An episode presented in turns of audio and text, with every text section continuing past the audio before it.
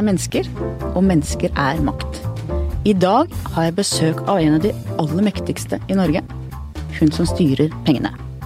Finansminister Siv Jensen, velkommen. Tusen takk. Vi har kritisert deg mye her i VG fordi vi mener at regjeringen bruker altfor mye penger. Det skal vi komme tilbake til. Mm. Men først. Du begynte tidlig å ta ansvar. Da du var sju år, så ble moren din liggende lenge på sykehus da lillesøsteren din ble født. Og du bidro med ditt hjemme. Laget mat og var stor jente. Hva husker du fra den tiden? Altså, hvis du mener akkurat den tiden hvor mamma lå på sykehus eh, fordi hun skulle få lillesøsteren min, så husker jeg at jeg savnet henne. Eh, Jeg er veldig glad i mammaen min. Men eh, jeg har jo generelt bare gode minner fra barndommen. Det var trygt og godt og mm, hadde mye frihet under ansvar. Eh, Måtte levere på forpliktelsene for mamma og pappa ga meg, men eh, jeg hadde det veldig godt. Du har jo noe til felles med Arbeiderpartiets nestleder, Hadia Tajik. Vet du hva jeg tenker på da? Eh, nei. Dere vokste begge to opp i butikker. Ja. Drevet av foreldrene deres. Ja. Hjulpet til, og begge to drømte om å få lov til å slå inn i kassa. Ja. Ja. Hun, hun hadde en kolonialbutikk på Vestlandet, i bygda, der hvor hun kom fra. Og du i skobutikken på mm. i Oslo. Hva har du tatt med deg av erfaringene fra butikken til foreldrene dine? Og det er ganske mye. Eh, Det ene er at man må, eh, man må tjene penger for å kunne bruke penger. Eh, Og at det er mye hardt arbeid i det å være selvstendig næringsdrivende. Og at det er enda mer arbeid i det øyeblikket du får ansatte som du skal ta vare på. Eh, Så det lærte jeg ganske mye av. Jeg lærte veldig mye om logistikk egentlig ganske tidlig. For en skobutikk har jo store varelager. Eh, Det å holde orden på de, prise varer. Så jeg fikk liksom være med på alt. Fra liksom tidligste tiden hvor jeg kunne få lov å rydde litt i skoeskene, ikke sant, til etter hvert å få lov til å få ansvar for å være med på priser. For jeg syntes det var veldig gøy å bruke den der prismaskinen. Nå er det jo ikke så mye sånt lenger, ikke sant, men Dette var før strekkodenes tid. ja, og så fikk jeg til slutt, jeg ble litt større, så fikk jeg aller nådigst lov å bevege meg litt ut i butikken, og da var jeg veldig opptatt av å Vi hadde et sånt, sånt stort stativ som gikk på hjul, eller nei, som gikk rundt. Og der var det jo sånn skokrem og børster og sånn, og jeg var manisk opptatt av å rydde der. Inntil den store drømmen ble oppfylt, og det var å slå inn det første salget på kassen. Og det var stort, altså. Jeg syns også alltid det så innmari gøy ut når jeg så de butikkene sånn tjung, tjung, tjung. Ja, det var ikke bare det. Det var å fylle ut de der gamle paragonene, og det var veldig viktig. Å skrive pent og sånn. Det var mange sånne ting jeg var opptatt av. Og i dag har det altså kommet en McDonald's-restaurant der hvor du bodde. eh, Og i leiligheten oppe i annen etasje. Hender det at du tar deg en burger på det gamle barnerommet ditt, eller? Nei, men jeg har vært der. Um, blir jo litt nostalgisk av det, selvfølgelig, men livet går jo videre. Vi bodde jo der i mange, mange år. Midt i Majorstukrysset. Um, og nå er det altså restaurant. Og så var ti år, og da skilte foreldrene seg, og faren din flytta til Sverige. Ja, etter hvert. Han gjorde ikke det med en gang. Men uh, det var heller ikke spesielt traumatisk, altså. Uh, mamma og pappa var veldig, uh, når den verste stormen la seg, så var veldig opptatt av av at vi skulle ha frihet til å bevege oss mellom foreldrene våre. Og i mange år bodde han jo i Norge. Eh, bodde ganske nært eh, der vi bodde, så det var bare to holdeplasser med bussen, så var jeg hos pappa. Eh, Så vi kunne gå akkurat dit vi ville, akkurat når vi ville. Og det var egentlig veldig fint. Og så ble det noen litt tøffe år for familien. Moren din mista jobben, hun holdt på å miste huset. Og så landa dere på beina. Og hun startet for seg selv, helt strøkent, som vaska klær og strøk klær. Og hva tenker du i ettertid over både det du var gjennom, og måten dere som familie håndterte det? Først og fremst er jeg veldig stolt av moren min. Fordi hun sto i en situasjon hvor hun ja, var mer eller mindre aleneforsørger for eh, tre barn. Og hun nektet å gi opp. ikke sant? De, de første eh, rådene hun fikk da hun oppsøkte hjelp i, i, som hos det offentlige, det var liksom at du må nok bare selge huset. Og det var ikke hun spesielt innstilt på. Så hun uh, satte seg ned og prøvde å se om hun klarte å komme over en god idé, og så gjorde hun det. Eh, Og så dro vi av gårde, hun og hele familien. Delte, vi delte ut sånne løpesedler i postkasser rundt omkring i, i eh, nabolaget. Overalt, i større og større radius, egentlig.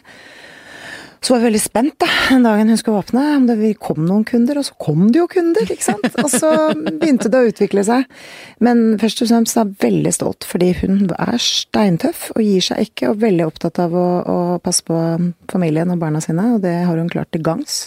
Og du tok ansvar igjen, for at du hjalp henne med startkapital fra studielånet ditt.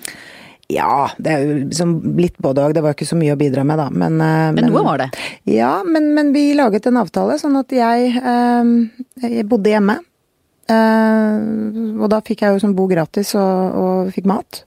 Mot at jeg bidro med min, noe av min kunnskap og kompetanse. Jeg studerte økonomi, så jeg kunne jo hjelpe henne litt med en del sånne enkle oppsett, regnskap og eh, sånn som komme i gang. Få opp liksom eh, de helt elementære funksjonene i det å, å drive et lite, en bitte liten bedrift. Det er jo bare en liten enmannsbedrift, og det er jo ikke store greiene. Men, men, for henne har det vært mer enn nok til å kunne holde hjulene i gang og ha en god trygghet for eget liv og egen økonomi. Og hva har alt dette lært deg og formet av ditt syn på personlig ansvar, på hva som kreves av oss, og hva vi kan kreve av hverandre? Og det har egentlig formet meg veldig. Jeg har alltid blitt oppdratt eh, i at man må, man må yte, man må, man må bidra. Eh, var det én ting mamma hatet, så var det forsøk på skulk. Så ingen av oss fikk noensinne skulke en eneste skoledag, selv om det er jo barn, ikke sant. Barn vil jo kanskje av og til sove litt lenger, eller å, være litt kjedelig og sånn. Det var helt uaktuelt.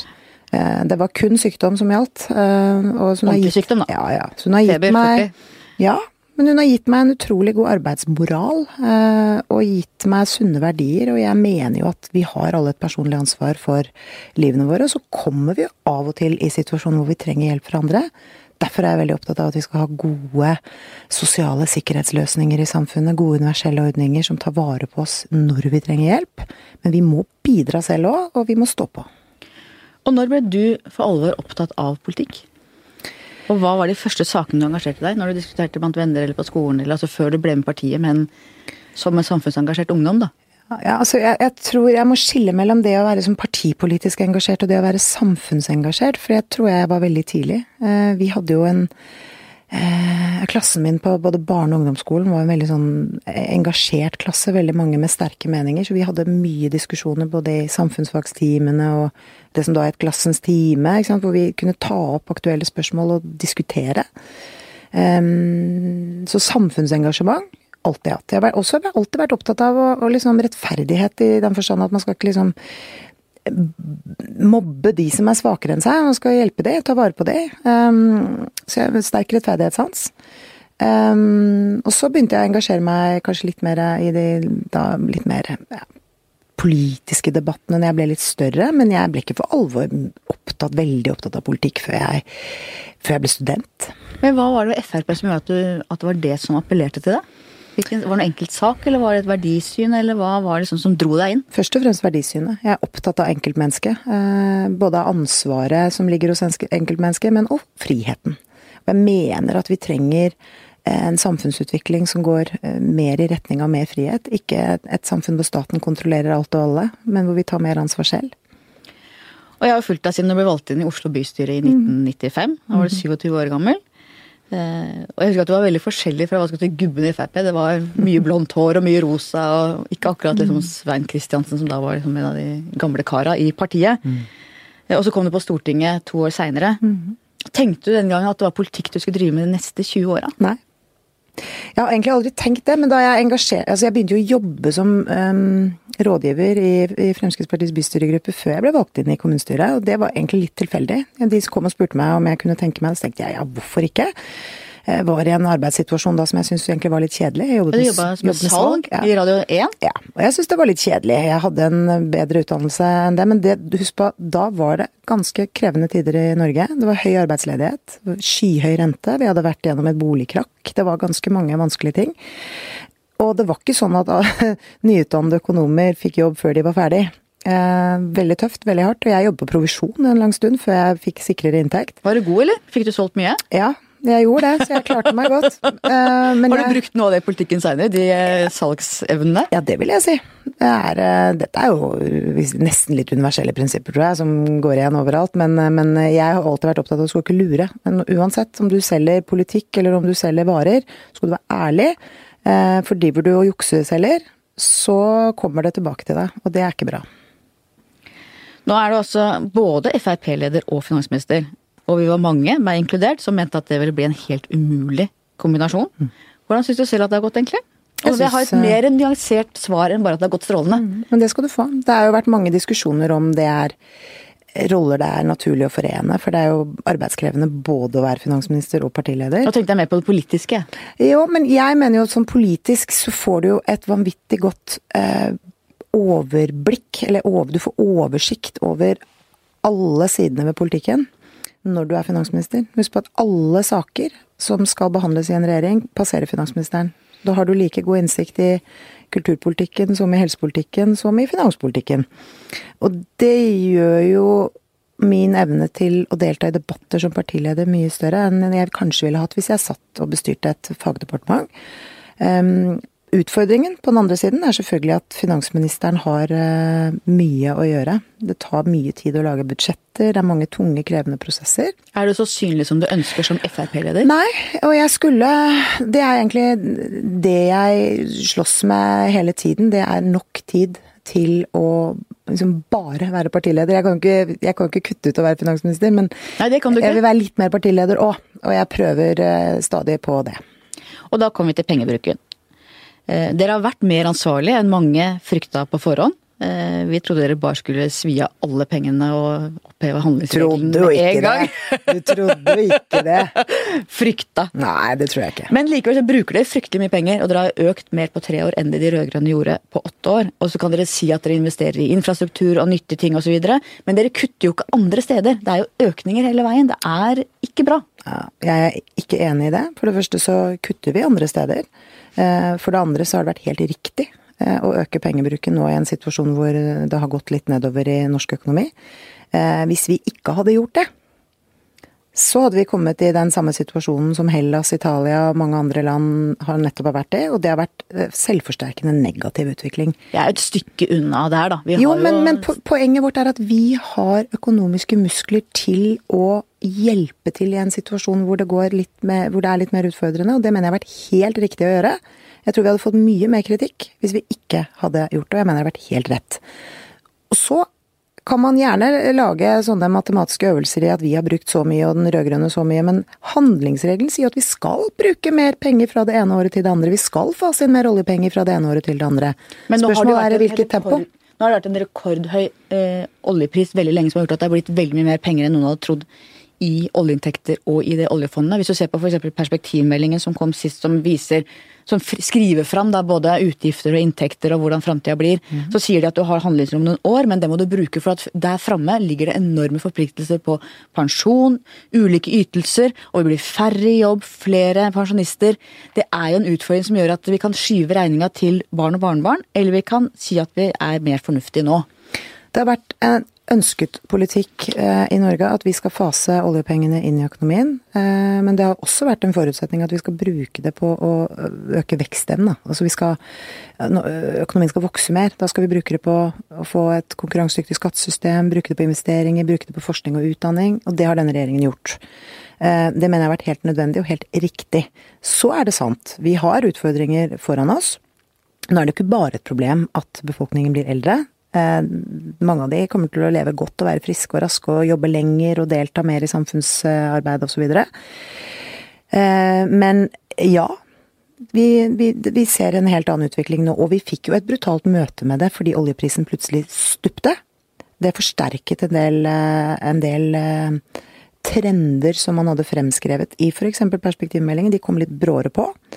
Og derfor er det så viktig at vi både evner å effektivisere omstille, bruke skattebetalernes penger på en smartere måte. Men dette er jo ting som tar dessverre mye lengre tid enn jeg har gått og håpet på i opposisjon. Men når du ser, når du ser eldrebølgen, da, så er jeg skriver jo mye om dette, og da blir dagens pensjonister veldig sinte på meg. Mm. Men det er faktisk du og jeg som er problemet.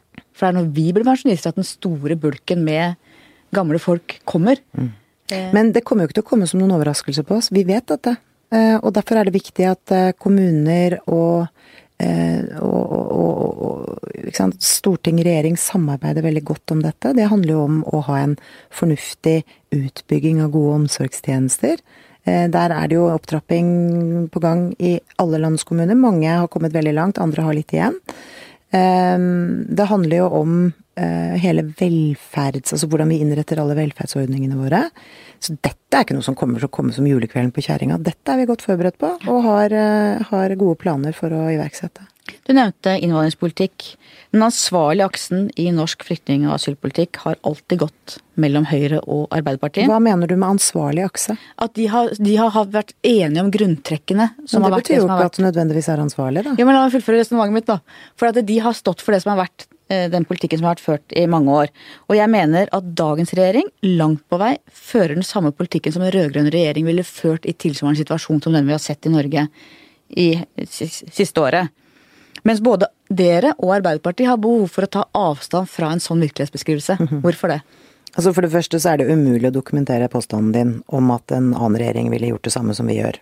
Det vil du aldri få vite. Det er ikke veldig, Den var veldig stram, den regjeringa. Nei, det er jeg ikke enig i. Den var ikke stram nok. Uh, så jeg tror ikke noe på det. Men uh, en av grunnene til at det har vært mye diskusjon om uh, asyl- og innvandringspolitikken i Norge, er jo fordi vi har gått foran og tatt til orde for kraftige innstramminger.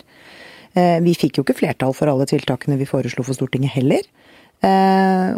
Det mener jeg er et ansvar og en byrde som de partiene som stemte ned de forslagene må ta fremover. Men vi har bidratt til få kontroll på den tilstrømmingen som vi så eh, før jul i fjor. Den var meget krevende å håndtere. Men hva tror du Arbeiderpartiet hadde gjort annerledes enn det dere gjorde i høst når det gjaldt den situasjonen vi sto overfor da? Problemet med Arbeiderpartiet er at det er ikke godt å vite. Fordi at Arbeiderpartiet prøver De frir jo to veier. Nå gjør de det, men poenget er jo at det, hvis du ser på den faktiske politikken fra åtte år i rød-grønn regjering mm. versus det som er nå, så stramma jo de så mye de kunne på veldig, veldig mange felter. Jeg mener at de ikke gjorde nok, og hvis man går tilbake i tid, eh, så opplevde eh, Arbeiderpartiet, da de satt i regjering, få kritikk fra venstresiden for at de var for strenge, og de fikk kritikk av oss for at de var for slepphendte. Jeg, var ikke, jeg var ikke fornøyd med den innvandringspolitikken som den forrige regjeringen førte, og jeg mener at de grepene vi har tatt nå, er bra for eh, Norge, det er bra for norsk økonomi. Eh, og vi er nødt til å fortsette å se på behovet for ytterligere innstramminger. Jeg er i hvert fall ganske sikker på at det ville vært relativt likt i innhold. Mens retorikken har vært annerledes. Eh, kunne du ha formulert deg sånn som Sylvi Listhaug gjorde, særlig i begynnelsen, da hun tok over jobben som integrerings- ja, det tror jeg. Det tror jeg vi er ganske like, Sylvi og jeg. Ja, hun hadde jo noen uttalelser, og særlig kanskje tonen i det, som splitta Norge veldig i begynnelsen i en veldig ivrig heiagjeng og en veldig ivrig sinnagjeng. Og nå er hun plassert på en måte, både til glede for heiagjengen og til irritasjon for sinnagjengen. Og sånn at alt hun sier nå, blir jo tolket Eh, ut fra det inntrykket hun skapte da. Er du enig i det? Jeg syns jo det har vært ganske fascinerende å følge eh, samfunnsdebatten eh, rundt dette. Altså, dette Man har gjort dette til en debatt om retorikk. Det det egentlig handler om, er en debatt om tiltak og virkemidler. Dette er jeg helt enig med deg. Og det er det som jeg syns har prega mye av debatten i mange år. At, og det har vært min kritikk mot de andre partiene òg, at de har navigert rundt hva Frp mener og ville ta avstand eller forholde seg til mm, og det. fortsetter de jo Istedenfor å se på realitetene. Ja, nei, det er jeg ikke helt enig i. Jeg mener nok at norsk debatt rundt disse spørsmålene har blitt mye bedre og mye mer åpen. At man snakker om det som er problematisk på en helt annen måte enn man gjorde for i hvert fall for 10-15 år altså, siden. Hvis du sammenligner Norge med en del andre land, så har vi hatt en mye Vi har hatt mange flere år med åpen samfunnsdebatt om asyl-, innvandrings- og integreringspolitikk som andre land har feid under teppet. Det mener jeg de får betale for nå. Fordi de ikke har tatt Sverige, bare vårt naboland, har nektet å ha debatt om disse tingene. Eh, nå har de store utfordringer, eh, men de har en økende debatt. Her har vi hatt debatten. Eh, men jeg skal jo på vegne av Fremskrittspartiet si at det har ikke bare vært lett å gå foran og diskutere disse spørsmålene. Eh, det har vært mange år hvor det har vært altså, kjempekrevende. Vi ble stigmatisert, vi var utsatt for eggkasting, steinkasting, vi trengte beskyttelsestiltak. Det har vært ganske heftig. Eh, men eh, det har vist seg at det vi har sagt, har vært helt riktig. Samtidig har jo dere vært veldig opptatt av innstrammingsbiten. Jeg sitter jo og forvalter på en måte hva VG skal mene, vi er jo en liten stemme i denne sammenheng. men jeg mener at hvis man hadde tatt det venstresida, mener jeg at mange gode poenger når det gjelder integrering og inkludering. Mens eh, dere har hatt mange gode poenger når det gjelder å peke på problemstillinger, stille krav, si at ja, det er faktisk en del ting som ikke er akseptabelt i vårt samfunn når det gjelder kvinners stilling, ytringsfrihet, den type spørsmål. Så min innvending mot alle, egentlig, i disse debattene, er at man må kunne se at det er to, integrering er tosidig. Stiller krav til begge parter, både majoritetssamfunnet og de som kommer. Eh, og Derfor syns jeg det er litt leit at det blir så polarisert at det blir så fullt av symboler, istedenfor nettopp å snakke om det det handler om på ordentlig. Men det har vi jo gjort, og nå har jo også regjeringen fått uh, gjennom en betydelig del av forslagene til en bedret integreringspolitikk, uh, som nå danner grunnlaget for eh, nye, viktige grep fremover. Jeg mener det både handler om det Fremskrittspartiet alltid har sagt, nemlig at vi må stille hver enkelt til ansvar for sine egne liv. Det handler om norskopplæring, det handler om arbeid, det handler om å evne til å forsørge seg selv. Men så handler det selvfølgelig også om litt hjelp på veien. Eh, og det handler om eh, inkludering. Men den beste måten å inkludere mennesker på, er jo at de deltar. Eh, og da handler det om språk, da. Det handler om å få, få kvinnene bort fra kjøkkenbenken. Mange minoritetskvinner er der fortsatt. Og det mener jeg er en utfordring, særlig fordi de ikke får nok innsikt i hvordan skolehverdagen er for barna sine. Det som er problemet for dere, er jo at dere har jo en veldig høy troverdighet blant de som er skeptiske til at det er for mange som kommer fra andre land til Norge. Dere har høy troverdighet på disse spørsmålene. Eh, og nå sitter det en regjering og forvalter den faktiske politikken og forvalter det, og det har aldri kommet flere flyktninger og asylsøkere til Norge enn mens dere har sittet i regjering.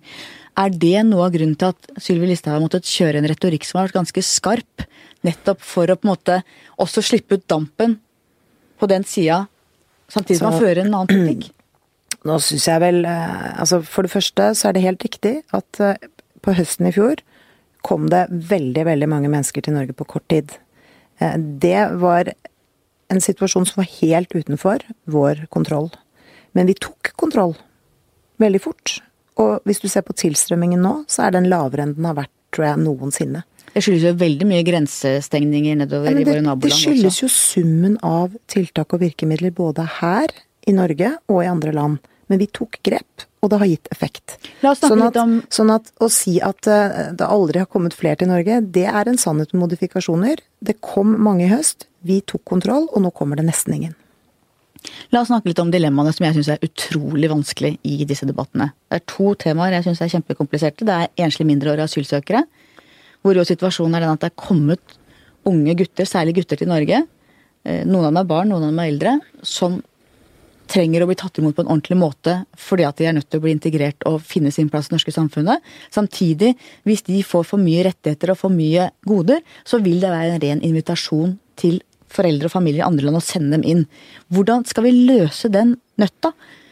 For det å behandle unge gutter som kommer alene og har reist veien dårlig for å skremme andre, er jo umulig. Samtidig som hvis du behandler dem eller gir dem for mye rettigheter, så kommer det mange flere på den farefulle verden og veien, og med alt de risikerer av vonde ting. Hva tenker du om det dilemmaet? Det mener jeg at vi eh, så langt har funnet hvert fall noen gode svar på. Det handler jo om Men fins det noen gode svar på det? Ja, Det er et godt spørsmål. Altså, for det første så handler det om eh, det ansvaret vi har når de først kommer, å og gi de en, en trygghet, mat, opphold, inntil vi finner ut hvem de er. Årsaken til at de kom, og om det er mulig å returnere de dit de kom fra. Og så har vi jo strammet inn på en del regler i forhold til eh, grunnlaget for å få opphold eh, når man blir 18 og myndig og alle disse tingene. Så jeg mener vi klarer å kombinere det. Vi... Men du syns det er vanskelig du òg? Jo, men det som er vanskeligst med hele den debatten, er at det er barn. Mm, nettopp, ikke sant? Som er veldig sårbare. Og så kan man jo Jeg syns jo det er eksepsjonelt kynisk eh, av deres foreldre å sende de av gårde på en farefull verd, kanskje tvers over eh, altså mange, ikke sant, tusenvis av eh, altså utfordringer på veien eh, til Men det er lett å være enig om, men det skjer, og hva gjør vi med ja, det? Ja, nettopp, men, men, men, det betyr ikke at vi bare skal si at sånn er det, så da må vi bare akseptere det. Jeg mener snarere tvert imot at det handler både om å sende signaler om at dette aksepterer vi ikke. Det er ikke det er ikke en gratis vei inn i et annet land. Eh, sende barna foran og komme etter selv. Det, det, mener jeg ikke går. Altså, vi er nødt til å ha strenge krav og regler, men vi må ta vare på dem eh, når de kommer, og så må vi finne ut hvordan vi skal kunne få sendt dem tilbake til foreldrene. Og så det andre dilemmaet, som jeg syns er vel så vanskelig, det er Middelhavet. Mm. Eh, at jo flere som Altså, båter blir sendt ut, store redningsoperasjoner, de blir fanget opp, brakt i land i, på europeisk jord. Mm. Og det er også dilemmaet jo flere du redder, jo flere vil dra ut. på en måte. Altså Det er også utrolig vanskelig. Du kan jo ikke la folk drukne. Nei. Åpenbart. Nei. Men det er jo flere og flere som kommer den veien, også som Europa ikke kan ta imot. Hva, hva mm. gjør man med det? Kan, må man begynne å stoppe folk inne i territoriene på afrikansk side? Hva Jeg tror det Det viktigste vi gjør, i hvert fall på sikt, handler jo om å yte mer hjelp i nærområdene. Men det er på sikt? På lang sikt? Som jeg sa, på sikt ja. så handler det om å yte mer, men ikke bare på sikt. fordi at også nå i en akutt situasjon hvor mange mennesker eh, oppholder seg i ganske trange, overfylte flyktningleirer i nabolandene sine, øyner ikke noe håp, tenker bare at nå er det bare å komme seg av gårde og søke lykken og håpe at det går bra, eh, så mener jeg likevel at flere vil la være å ta den risikoen hvis forholdene i flyktningleirene blir bedre. Derfor har det vært viktig for Norge å forsterke innsatsen til nærområdene, og det kommer vi til å fortsette med. Så handler det selvfølgelig om eh, nå er det jo veldig akutt i områdene rundt Syria, naturlig nok, men det er andre konflikter i verden også. Så det handler jo om å bidra på humanitært vis for å dempe ned en del av disse konfliktene. Eh, for hvis ikke så, så vil jo dette bare vedvare. Eh, Jeg hadde Frode ikke... Forfang her, ja? på, eh, som snakket om sitt forslag om en ny flyktninge altså å, å, gjøre om hele det internasjonale regelverket rundt mm. flyktninger. En forutsetning for hans politikk, dere har jo gått inn for dette, mm. en forutsetning for han er at man da tar imot mange kvoteflyktninger, mm. men stenger dørene for at det skal ikke være sånn at du kan sette foten på jorda, og da er du asylsøker. Eh, dere har jo også da ønsket et annet regelverk, men betyr det også at dere kan tenke dere å ta imot flere kvoteflyktninger dersom man får kontroll med asylstrømmen? Fremskrittspartiet har alltid sagt at eh, Norge må påta seg sin del av, eh, av ansvaret. Vi må også gjøre vårt. Men jeg mener jo at det er helt nødvendig eh, at verdenssamfunnet setter seg ned og reforhandler avtaler som ble inngått i en helt annen tid. Hvor flyktningstrømmene så helt annerledes ut, hvor verdenskonfliktene var helt annerledes. Eh, en del av dette avtaleverket holder rett og slett ikke lenger. Jeg er helt enig med deg, og paradokset i dag er jo at eh, de som er sterkest og kommer hit på egen hånd, de får bli, mens de som kanskje trenger det aller mest og ikke klarer å komme seg av gårde, de får ikke bli. Vi snakket om at integrering må gå begge veier. Eh, jeg mener at vi må definere hva som er absolutte verdier i vårt samfunn, og hva vi kan kompromisse på. Hva er de viktige verdiene for deg? Hva mener du generelt? Ja, I vårt samfunn i møte med nykommere. Hva er det, de viktige norske verdiene? Ja, så nå er jeg ikke helt sikker på hva det er du spør meg om, egentlig. Nei, jeg tenker jo at Noe av det vi ikke kan kompromisse på, er type likestilling, mm. ytringsfrihet. Mm. Si at dette er no go. Mm. Der står vi fast. Mm. Mens andre ting kan man diskutere. altså hva slags mat man skal servere i fengselet, mener jeg må være helt greit. Eh, mm. En del sånne mer pragmatiske ting. Hva er det som er helt bastant for deg at dette viker du ikke på? Jeg kommer aldri til å vike på ytringsfriheten. Aldri. For begynner vi å gi etter for det, så gir vi slipp på en av de aller viktigste verdiene som har formet vårt demokrati. Eh, det hender jo at vi av og til hører ting vi ikke liker. At noen sier ting som vi ikke er enig i. Men det er så mye bedre at det blir sagt, enn at det blir fortrengt. For da ender det ofte ut i mye mer alvorlige ting. Eh, gode samfunnsdebatter. Å tåle å høre ting man ikke liker. Kjempeviktig. Jeg var innmari skuffa, må jeg si, over Jonas Gahr Støre og de rød-grønne under karikaturstriden. Ja, det var du ikke alene om. Jeg var ganske, jeg må si jeg var ganske rystet over måten de håndterte det på. Eh, man gjorde knefall for viktige prinsipper som, som, som definerer eh, vårt samfunn. Vi sto oppreist, eh, og av og til koster det, sant. For det, det, blir litt, det blir litt eh, klamt, og det kommer trusler, og det er ubehag. Men det er jo særlig da man må stå oppreist, i det øyeblikk man begynner å vike på dette. Å hjelpe meg. Så som avisredaktør kan jeg da stole på at dere vil eh, Kommer aldri, kommer aldri til å vike bort fra prinsippet om ytringsfriheten. Kristne kulturarven i Norge, hva bygger vi på den? Ja. Og hva legger du i det? Dette er, dette er mye av det som identifiserer oss som samfunn langt, langt tilbake gjennom generasjoner som har gått i arv. Og det handler jo ikke nødvendigvis bare om hvor sterk man er i, i gudstroen sin. Det handler om, eh, om eh, en del eh, kulturelle verdier, måten vi har bygget samfunnene våre på, nestekjærlighet, det å hjelpe hverandre. Jeg syns det er ganske sunne, gode prinsipper som vi skal ta vare på. Du er jo selv personlig kristen. Mm. Kan du beskrive ditt forhold til troen din? Ja, jeg, jeg, har sagt mange ganger at jeg jeg sliter ikke ned eh, kirkerommet. Eh, men jeg verdsetter veldig og Når jeg først går i kirken, så setter jeg veldig pris på å være der, for det gir meg en ro. Det er tid for refleksjon. Det er ikke alltid jeg til og med nesten følger med på hva som blir sagt fra presten engang, fordi jeg får, eh, jeg får sånn ro. Og så handler det om av og til bare det å ha tro på noe som er litt større enn deg selv. Som ikke du kanskje kan identifisere eller forklare eller eh, sette to streker under. Jeg tror alle mennesker har godt av å tro på noe. Ja. Finner du trøst i det, eller? Ja. Hva ber du om, og når ber du? Altså, jeg, jeg, jeg, vet ikke om jeg ber så ofte, men jeg, jeg, gjør mange refleksjoner. Jeg tenker mye på faren min, eh, som døde altfor tidlig. Som jeg savner eh, dessverre enda. Eh, det kommer jeg antagelig alltid til å gjøre. Og det er eh, for, altså, for, jeg hadde jo noen opplevelser da han døde som, som sitter veldig sterkt i meg. Jeg våknet når han døde. Jeg var jo ikke i samme rom, jeg var ikke i samme land. Men jeg våknet, satte meg opp og kjente en ubeskrivelig sorg, og jeg bare visste at han hadde dødd. Mm. Og da er det et eller annet der som du ikke kan forklare. Mm. Ikke sant?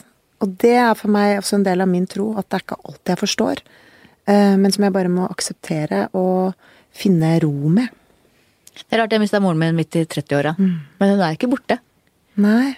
Nei, men jeg er også litt sånn eh, Faren min han er jo ikke her, men han, jeg tenker jo på han hele tiden. Jeg føler at jeg snakker med han, og så tenker jeg noen ganger eh, Hva ville han tenkt nå? Eh, jeg vet jo av og til hva hun ville sagt. Ja, ja, ja ikke sant? og det er litt fint, da. Ja, Så man snakker på en måte litt med dem, selv om ikke de er der, og har en sånn Det er et godt savn, på en måte. Ja, og, og, det ender opp med å bli det. De første årene sant, så er det kanskje ikke bare et godt savn heller, det er bare savn, det er bare vondt. Mm. og så går det over i å være gode minner. Man husker mye mer av opplevelsene, de gode stundene. Eh, og alt det på en måte den personen ga deg, da. Ja. Eh, men jeg tenker veldig ofte, som sagt, når jeg blir litt sånn eh, bare Siv, eh, så, så, tenker jeg kanskje jeg tror at Jeg håper i hvert fall at den hadde vært litt stolt av meg, liksom. Og det er jeg helt sikker på ja, at han ville vært. Ja. Jo, det er jeg helt sikker på. Du lever et ganske spesielt liv. Du har jo en av landets aller tøffeste jobber som krever absolutt alt av deg. Mm -hmm. Blir det noe liv utenom, eller? Det er vel litt sånn uh, unntakstilstand å være En lang unntakstilstand, da. Ja. Men det, for det første så er det helt frivillig. Uh, jeg har gjort dette etter eget ønske, etter eget valg. Jeg er veldig takknemlig over at jeg faktisk får lov. For når du er så samfunnsengasjert som jeg er, det å ha hånda på rattet, være med på styret, være med Men selvfølgelig, det er på godt og vondt. Du sitter med hele ansvaret det er av og til ganske tungt. Skal ta beslutninger som påvirker folks hverdag, eh, på godt og vondt. Det er krevende. Så det, det er berikende og um, krevende på samme tid, men jeg ville aldri vært det foruten. Uh, men det betyr, ja, veldig lite fritid. Men jeg savner ikke ett sekund, for dette er en, en, det er en fantastisk mulighet. Selv om det av og til vanker litt kjeft. Vi møttes jo i gamle dager av og til på nærbutikken vår, som har en av de beste matbutikkene i byen, vil jeg si. Men det er veldig lenge siden jeg har sett deg der nå. Det hender det er der, men det går uh, fort det går igjennom. Fort. Ja.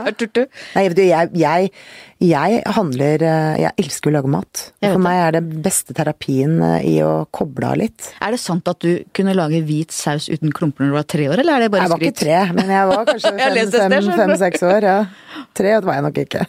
men det er da du slapper av? Når det står i gryta? Ja.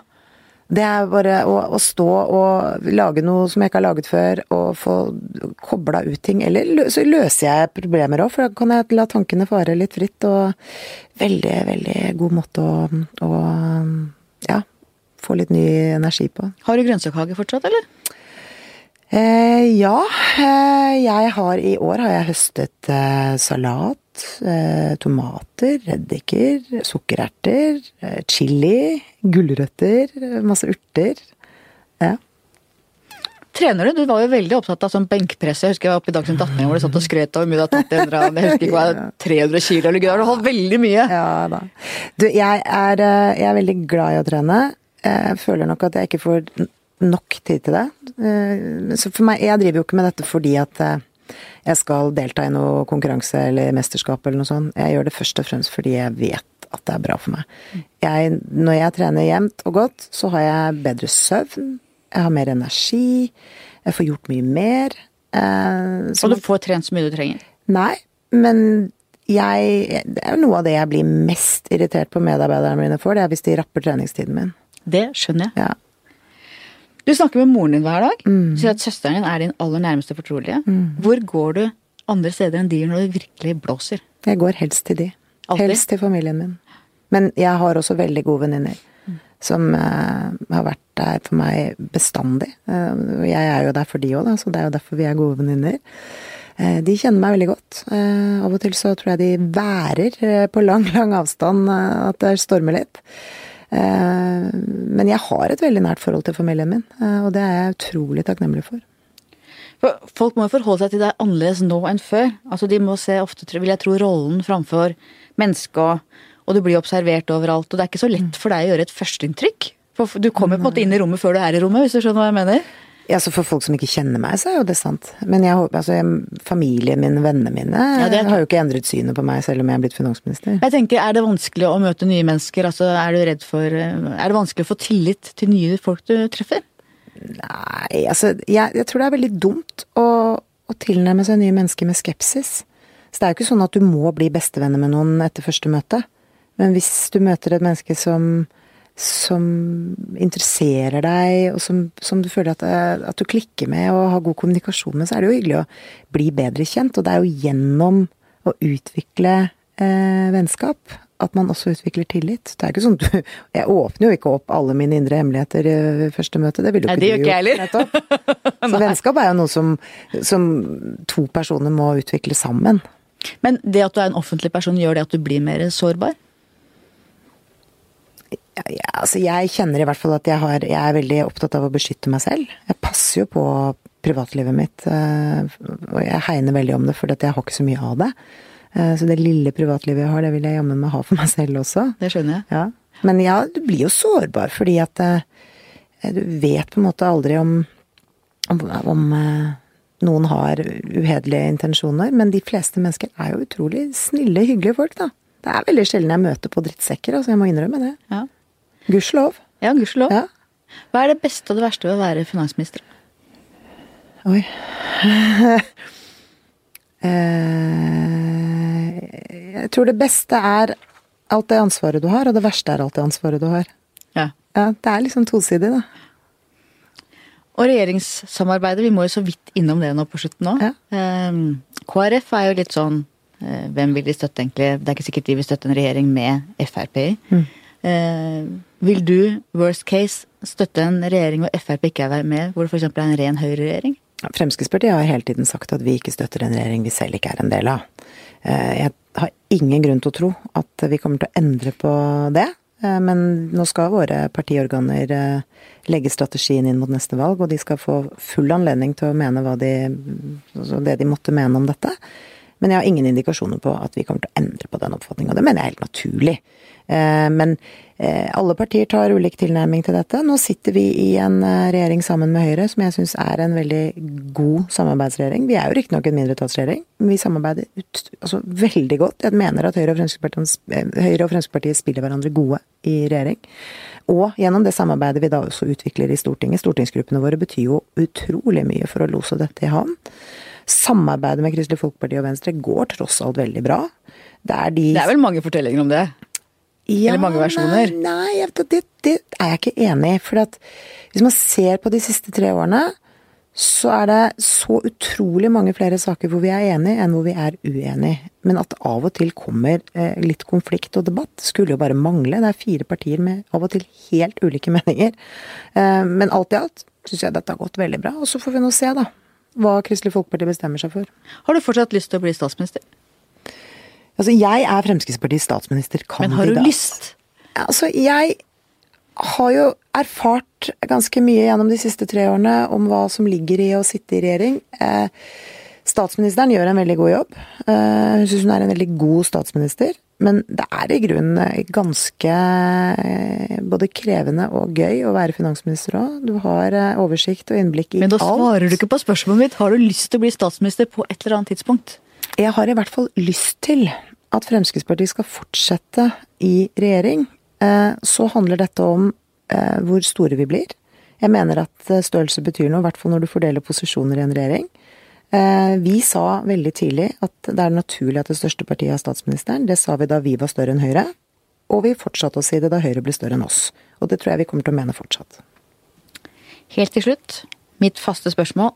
Hva skal bli historien om deg? Siv Jensen, det var hun som Som var ærlig. Bra, det er det korteste svaret jeg har fått. Godt. Takk for at du kom. Takk for at jeg fikk lov å komme. Takk til deg som hørte på. Takk til vår faste produsent Magne Antonsen. Vi høres igjen neste uke.